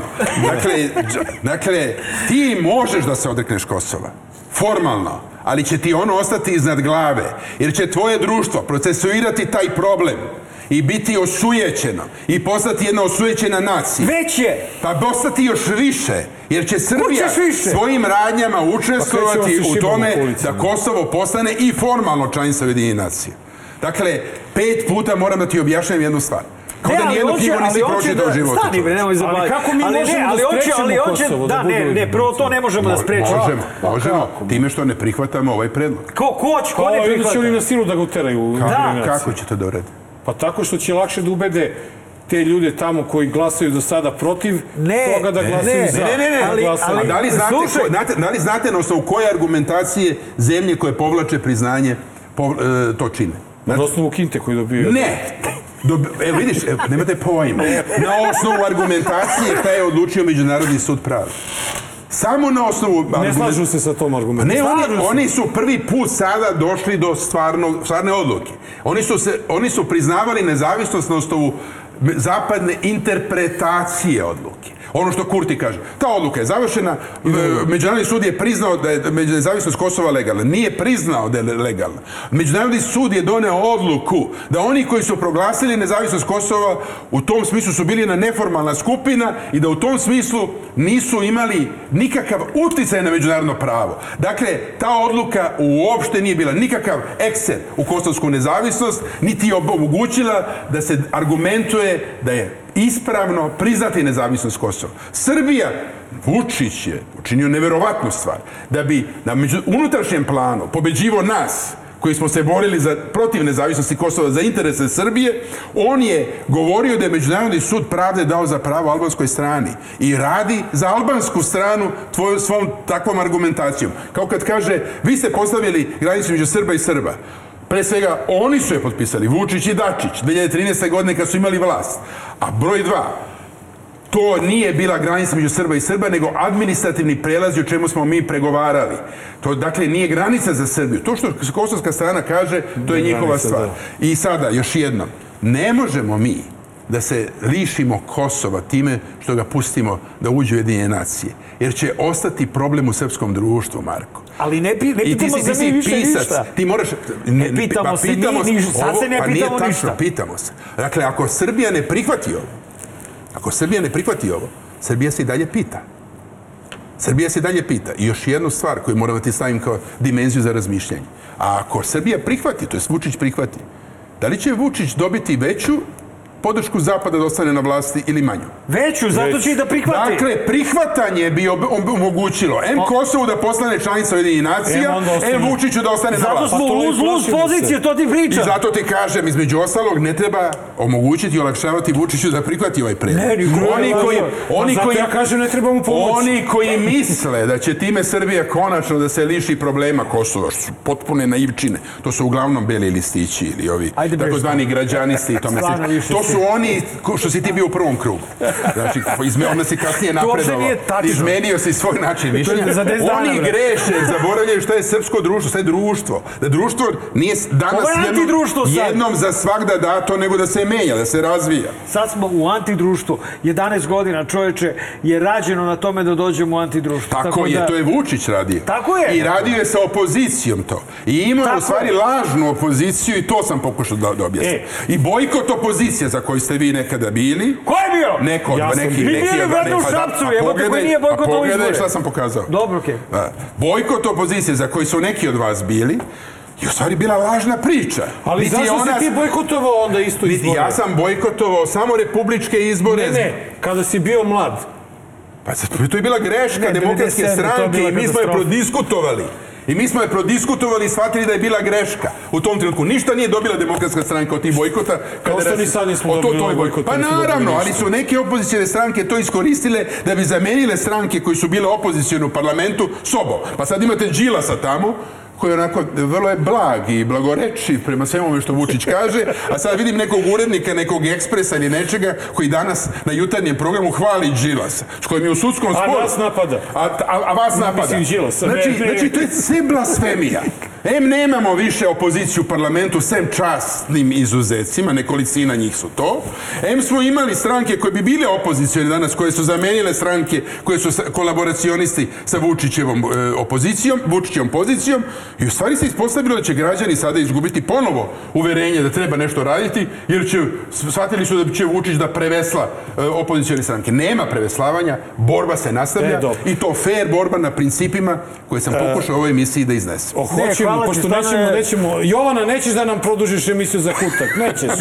E, Ništa, dobro. Daj nam pitanje sa Twittera, molim Da, te. pitanje s Twittera moramo, moramo da, moramo jedan klizeći, klizeći na bivšeg predsjednika. A zašto Jovana neće da A produži? muzičar Ne, bez sluha nemamo te vremena, pita, idu nemamo vesti vremena, posle nas. da. ule- ulećemo u termin. Ulećemo u termin Vesti vesti. su dosadne. Bukvalno nas, Pa pa, znamo, mi to, mi to dosadne. znamo, ali evo Ali čuo- niko, niko nije u istoriji dobar loš za ovolku imao intervju koliko si ti. Ne samo to, pitanja, niko, niko, nikad ni- nismo, nismo- koga nismo ukinuli magreći kutak. E, evo. nikoga Ali nikada nismo ukinuli magreći Jebi. kutak. Nisam, Ali, ja to nisam tražio od vas. ne, ne, Ne, nismo. ne, ne, to si- bilo je- To si ne, ne, dobio, to si ne, ne, dobio. to si dobio. Ma ništa ja nisam dobio. Vi ste dobili što sam učestvovao u vašoj. Muzičar bez sluha te Ajde, pita. ja sam dobio nešto. Ajde na pa nam pitanje kaži koji dobar savjet si dobio od Nebojša Krstića. Nebojša Krstić posljednjih godina uopšte nije dolazio na posao.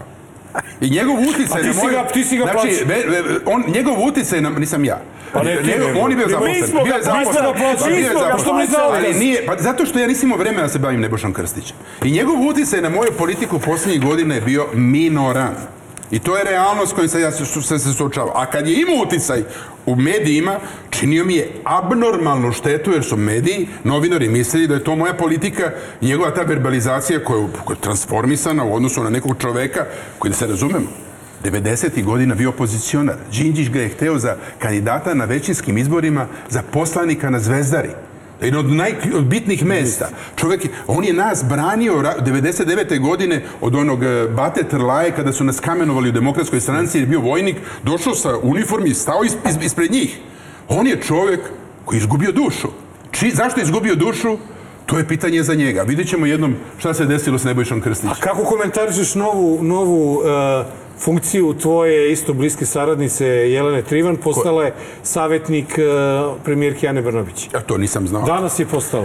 Juče, utorak je postao. Čestitam, Jelena Trivan. svaka Bori čast. se, hvala ti puno, bilo je Ćao, Marko. zadovoljstvo. Ćao, Marko. Vidimo se uskoro ponovo, verovatno. Ovaj, hvala Ovaj, puno, uvijek je zadovoljstvo, stvarno. Dragi gledalci, da, Ali- ali, lako noć ćemo pustiti. Lako noć To ćemo mora, da pustimo, da, ćemo. moramo. Dragi gledalci, bilo Ali- je to dobar loš zao bez uh, Nije to kutka, bio- ali sa... Bio je to dobar, loš i zao. Ili... Ili obrnuto, sve jedno, da. I Boris Tadić u Boris njemu. A, vidimo se sledeće srede u isto vreme, na istom mestu, Nova RS i YouTube od 8 uveče, ali ipak ostavljamo lako noć. Ostavimo laku noć da zapevamo na kraju. Zapevamo, Jedino što možemo da zapevamo, braćo i sestre, ne sekirajte se, od sutra kreće cirkus u Skupštini, od četvrtka je sednica na kojoj će Vučić opet da trpi u sebi, 10 sati da ne ide da piški, da kaki, da kine, tako da ćemo imati šta da gledamo, bit će puno zanimljivog materijala ovaj, za sledeću epizodu. Možda ćemo dovesti ovde, posle Borisa Tadića, nekog desničara da nam objasni njihove stavove, zašto Ej, treba da, odbiti da, da, ovo. imamo iznenađenje, Da, tiću, to bi bilo dobro da vidimo, možda ugostimo jednog budućeg, jednog novog dedu. Ovaj, sve je onako kao što je bilo i ranije, zagarantovano mi je propast, nemojte da brinete ništa, a zato uzmite lepo, kosite seno i radujte se dok možete. Laku noć i živi bili.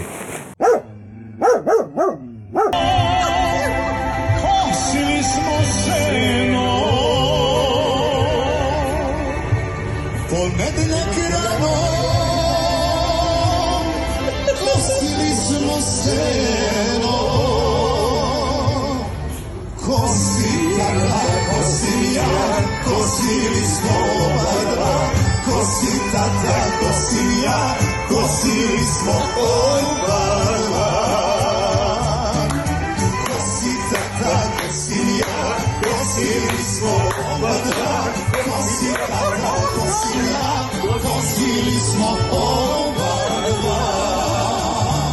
te uši U najavi je pobeda kada uzme majk Znanje da propovedam, napušavam odreda. Sva fake goveda što veličaju lovu. Koja je prokleta, klinci što se lože na prijave bolida. Koji u isto vreme ne moš hoda i da priča sistem vrednosti ništa. Kao i u vigla pa se boduju i upucavaju za poštovanje strita. Muda su do neba jer tu je ekipa. Oči se dokazuju ko je veći